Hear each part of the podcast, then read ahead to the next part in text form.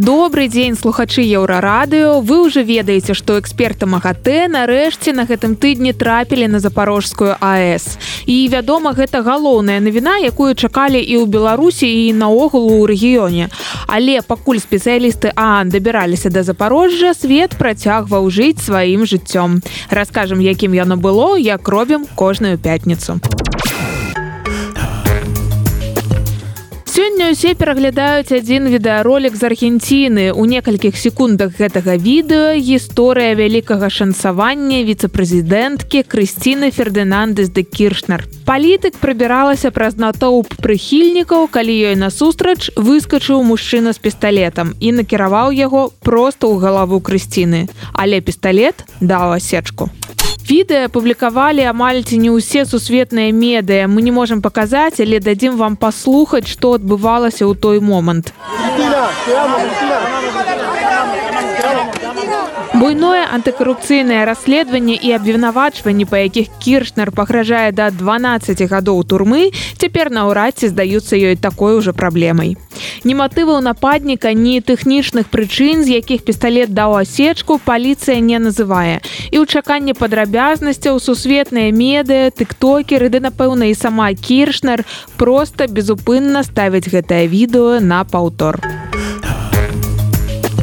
у ЗША знікаюць машыны для галасавання. Здавалася б, прычым тут тэорыя змовы. Шмат якія прыхільнікі Дональда Трампа вераць, што выбары 2020 года былі сфальсіфікаваныя. І паліцыя па ўсёй краіне фіксуе іх спробы дабрацца да машын для галасавання, каб высветліць, за каго ж прагаласавалі амерыканцы на самой справе. І ці быў гэтым кімсьці Джо байден. Усе гэтыя машыны вырабляе канадская кампанія Дамініон. У 2020 годзе амерыканскі юрыст рэспубліканец Джером Пауэл заяўляў, што праграмнае забяспечанне машын нібыта падыгрывала байдену. Дамініон падала некалькі позваў у адказ на гэтае абвінавачанне, а прыхільнікі трампа пачалі літаральна выкрадаць машыны для галасавання, каб праверыць, што ж там унутры. У выніку адну з машын выявілі ў продажы на eBay. Прадавец знайшоў яе ў камісіёнцы і купіў за некалькі долараў. А на што вы гатовыя пайсці дзеля пераліку галасоў? Да не адказваеце мы ведаем А у м'янме экс-лідарку краіны Аун Сансуджы прысудзілі да яшчэ трох гадоў турэмнага зняволення. Такім чынам на гэты момант суд пакараў яе ўжо 20 гадамі турмы. І гэта не мяжа. Па ўсіх пунктах абвінавачання ёй можа пагражаць да 200 гадоў зняволення.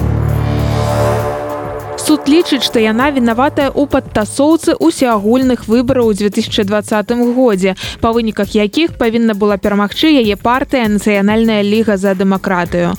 Але перамогі не здарылася, таму што тады ўзімку 21 да ўлады прыйшла не дэмакратыя, а вайсковая хунта. Праваабаронцы называюць судовыя працэсы ў дачыненні да экс-прэм'еркі палітычна матываванымі. Сама Аун Сансуджы адмаўляе ўсе абвінавачванні, але гэта не першы яе тэрмін. Да таго, як партыя Сансунджы прыйшла да ўлады, яна правяла ў турме агулам 15 гадоў.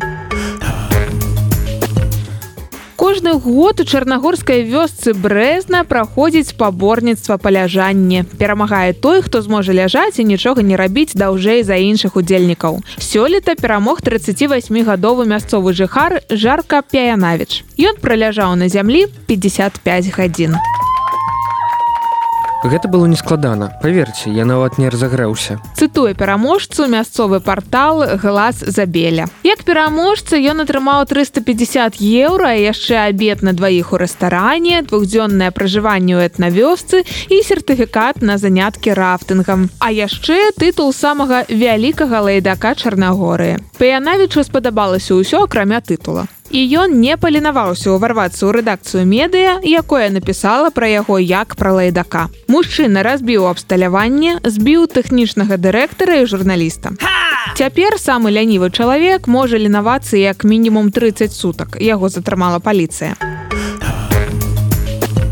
А калі вы лянуецеся сачыць за тым, што адбываюцца ў свеце, чытайце штотыднёвыя гляды на еўрарады. Калі зусім лянуецеся, слухайце нас наўпрост на SoundCloud ці на любой зручнай для вас платформе.